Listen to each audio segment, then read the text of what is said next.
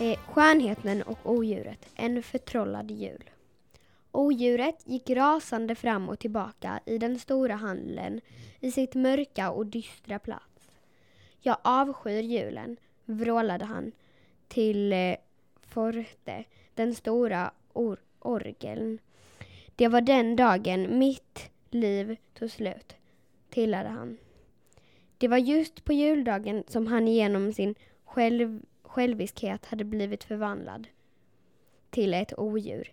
Innan förbannelsen drabbade dem hade eh, Forte varit kom, kompositör på slottet och han var det enda av de förtrollade föremålen som inte ville bli mä människa igen.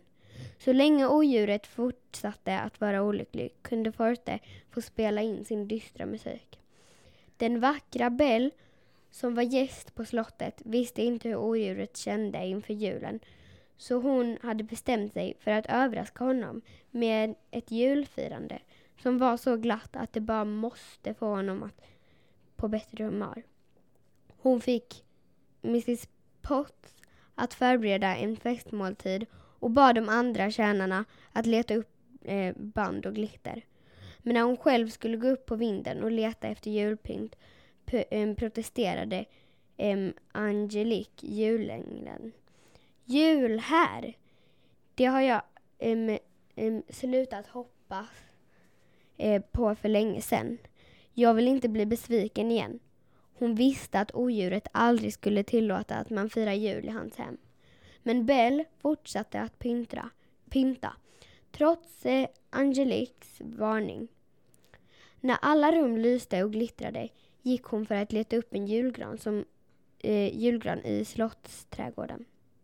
Men odjuret upptäckte henne innan hon hunnit ut. Det blir ingen jul, dundrade han.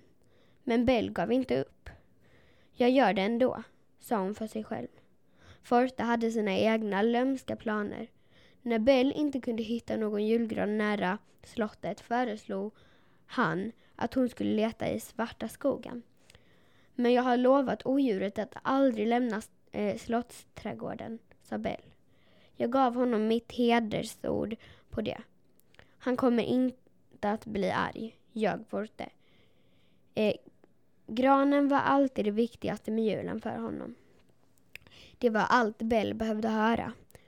Hon, hon och Chip, eh, tekoppen, gav sig iväg ut i skogen.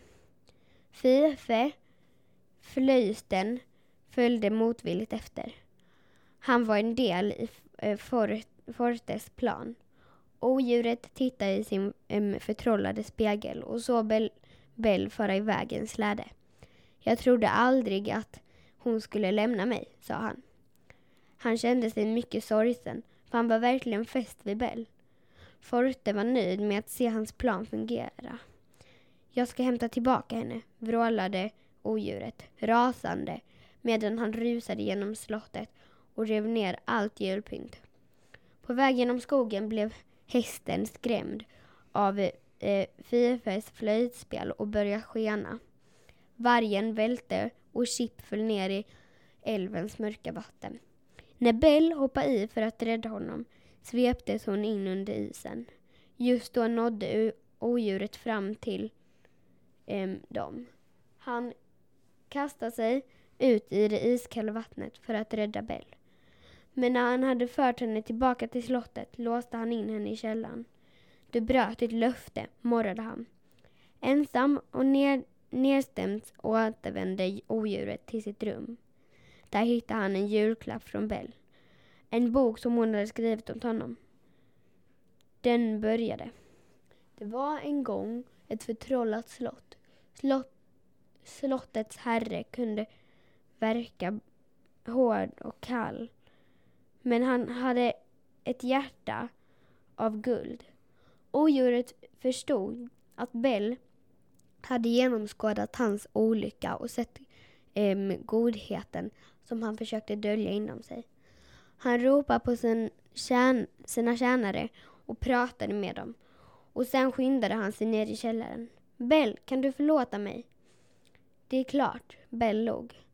När Forte förstod att um, odjuret och Bell var vänner igen spelade han i sin svartsjuk spelade han i sin svartsjuka så högt att väggarna knakade och stenar lossnade och föll ner. Han skulle förstöra hela slottet. Forte! dundrade odjuret och sprang för att stoppa musiken. Men det var för sent. Forte hade eh, spelat eh, med sån kraft att han lossnade från väggen, föll i golvet och krossades i tusen bitar. De andra stod som ehm, eh, förstenade ett tag, men så sa odjuret Nå, vad väntar vi på? Låt oss ge Bell den jul hon önskar sig. Han öppnade dörren till ett rum där det stod en jättelik julpyntad gran. Så förde han Bell in i rummet, där alla de förtrollade sakerna väntade på dem. Sen började ett julfirande som de aldrig skulle glömma, särskilt inte odjuret, för denna jul hade Bell gett honom hoppets gåva. Ett hopp om att eh, förbannelsen en dag skulle hävas och att livet på slottet skulle bli som vanligt igen. Boken är läst av Tuva Nyman Lyckmar i 4B på Mölnboskolan.